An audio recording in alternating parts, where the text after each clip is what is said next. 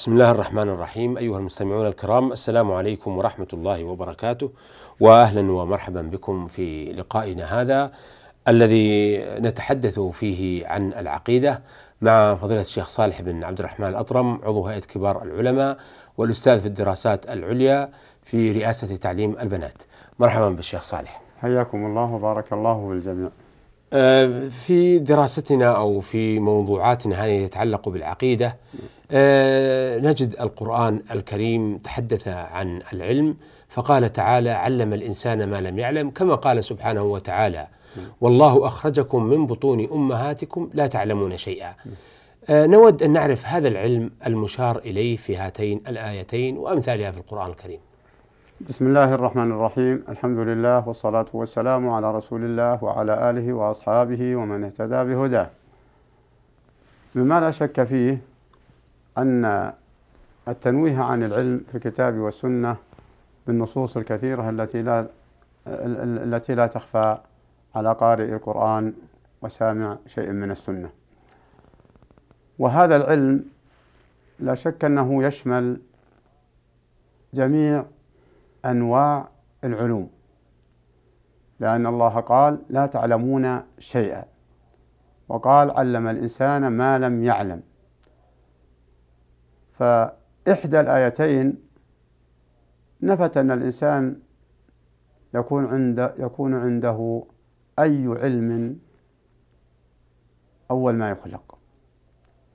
ولكن الله سبحانه وتعالى أعطاه الإمكانيات التي بسببها علم ما طلب الله منه علمه.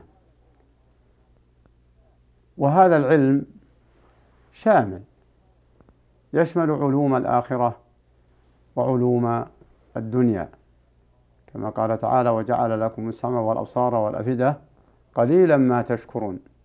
هذه إشارة إلى أسباب تحصيل العلم. ولكن العلم الذي هو غاية الأمل من لخلق الإنسان هو ما قال الله فيه في أول السورة اقرأ باسم ربك الذي خلق. خلق الإنسان من علق. اقرأ وربك الأكرم الذي علم بالقلم. علم الإنسان ما لم يعلم. فالعلم فالعلم بالله سبحانه وتعالى هو الغاية وهو المقصود من خلق الإنسان ومن إعطائه الوسائل لتحصيل العلم.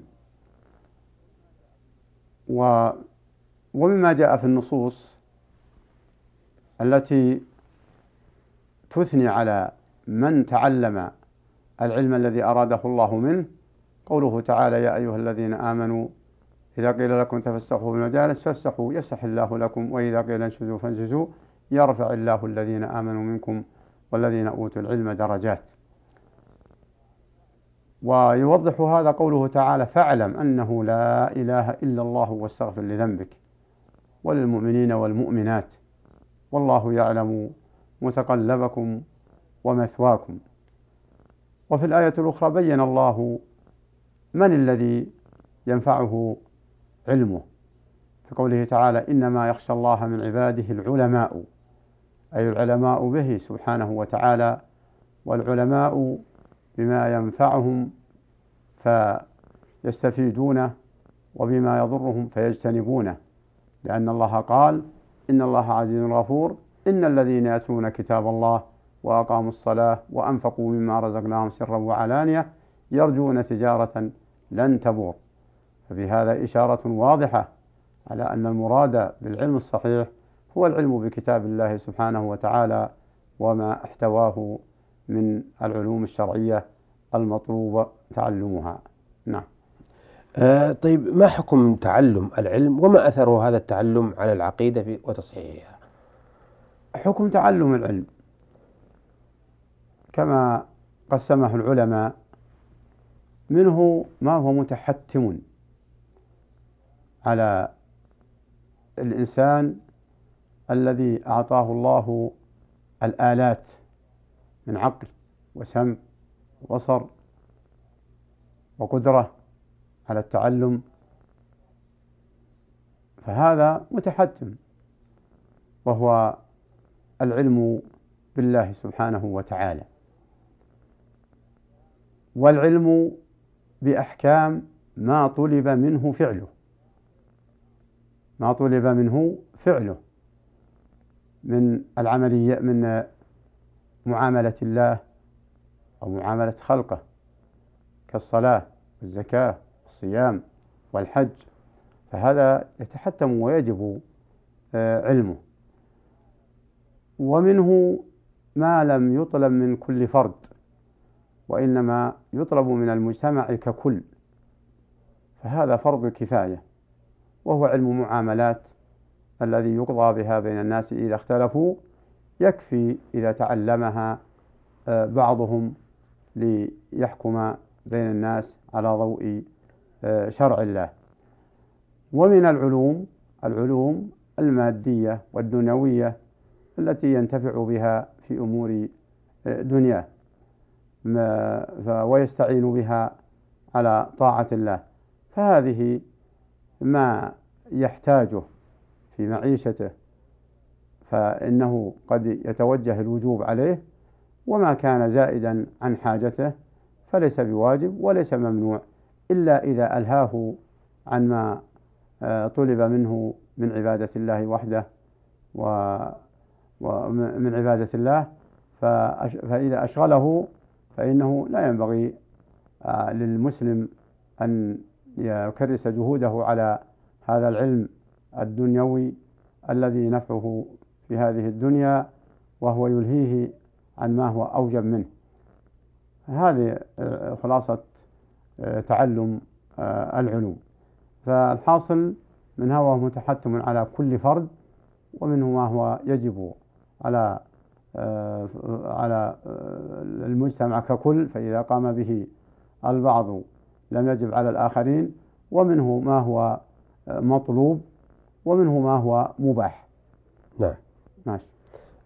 طيب ما دمنا عرفنا حكم تعلم العلم. نعم. نود أن نعرف فضل العالم على الجاهل وكيف يتحدث عنه أيضا القرآن؟ فضل العالم على الجاهل هذا آه، لا يخفى. ولو استمر الإنسان بتعداد الفضل لمضى الوقت الكثير وإنما آه، يكفي أنه أن آه، فضل أن ما جاء بأن العالم يفضل يفضل أفضل بأن بأن العالم يفضل كثير من العباد. بل قد يفضل على ألف عابد. فكيفما إذا كان آه، جاهل فإن الجهل يحكم صاحبه. نعم. و ولا يعرف ماذا يطلب منه.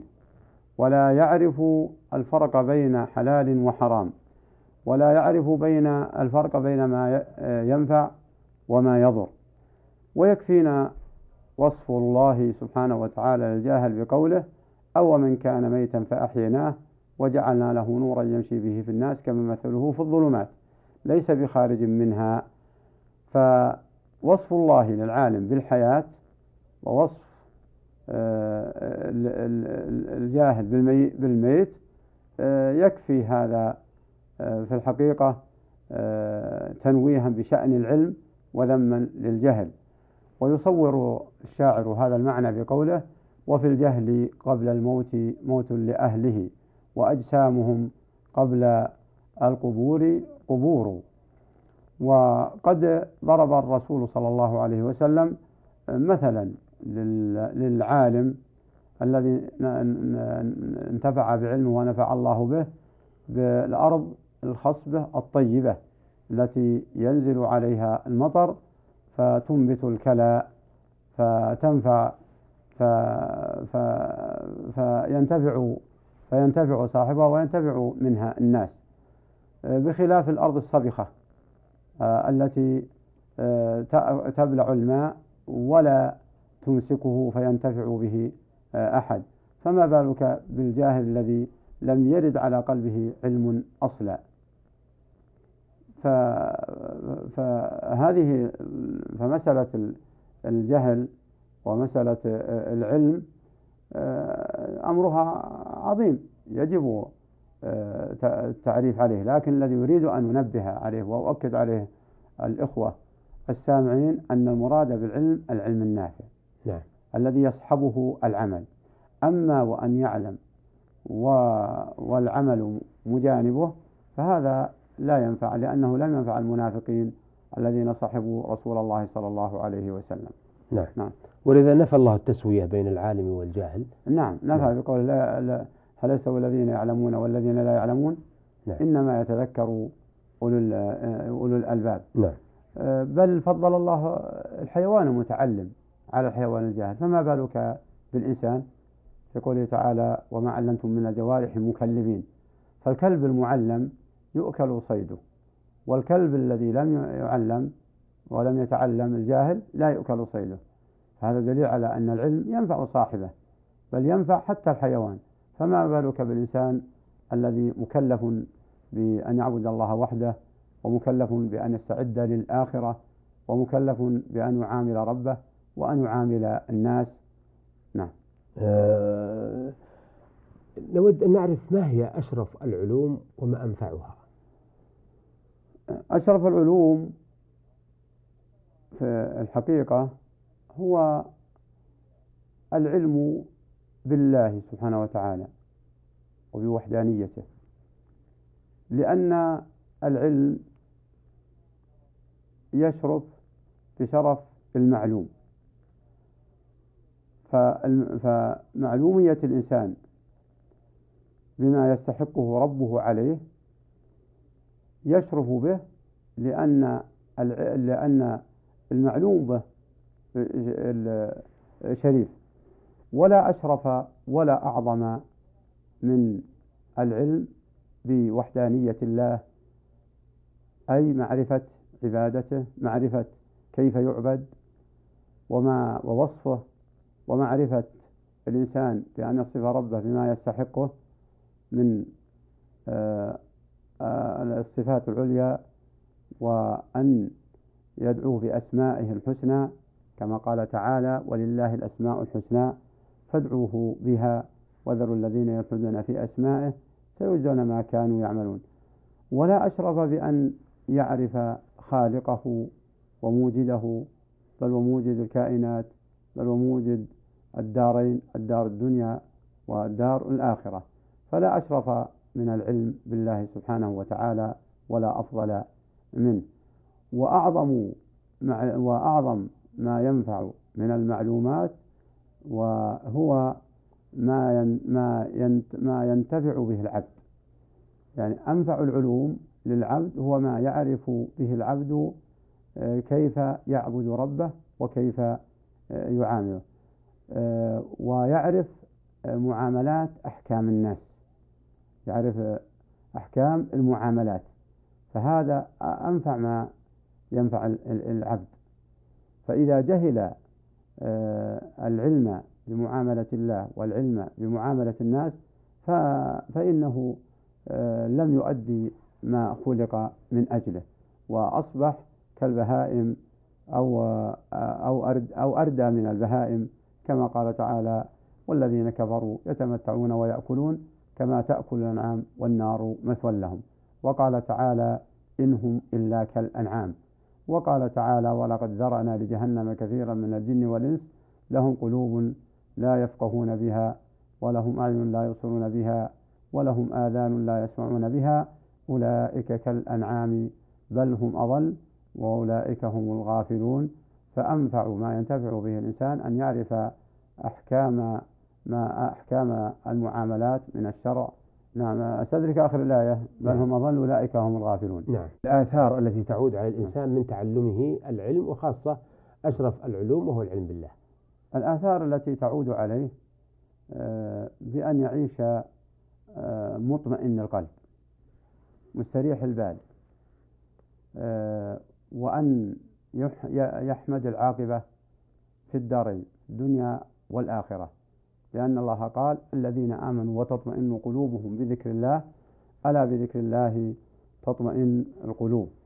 فيطمئن من حسن معاملته وأنها على بصيرة لأن فإن عمل عمل على بصيرة وإن دعا غيره علم على دعاه على بصيرة وإن علم علم على بصيرة. لأن الله قال آه، لآمر النبي قل هذه سبيلي أدعو إلى الله على بصيرة أنا ومن اتبعني وسبحان الله وما أنا من وما أنا من المشركين. وعكس ذلك نستجيب بالله الذي يمشي على غير هدى والذي يتخبط مثل مثل الذي يتخبط في الظلام. ف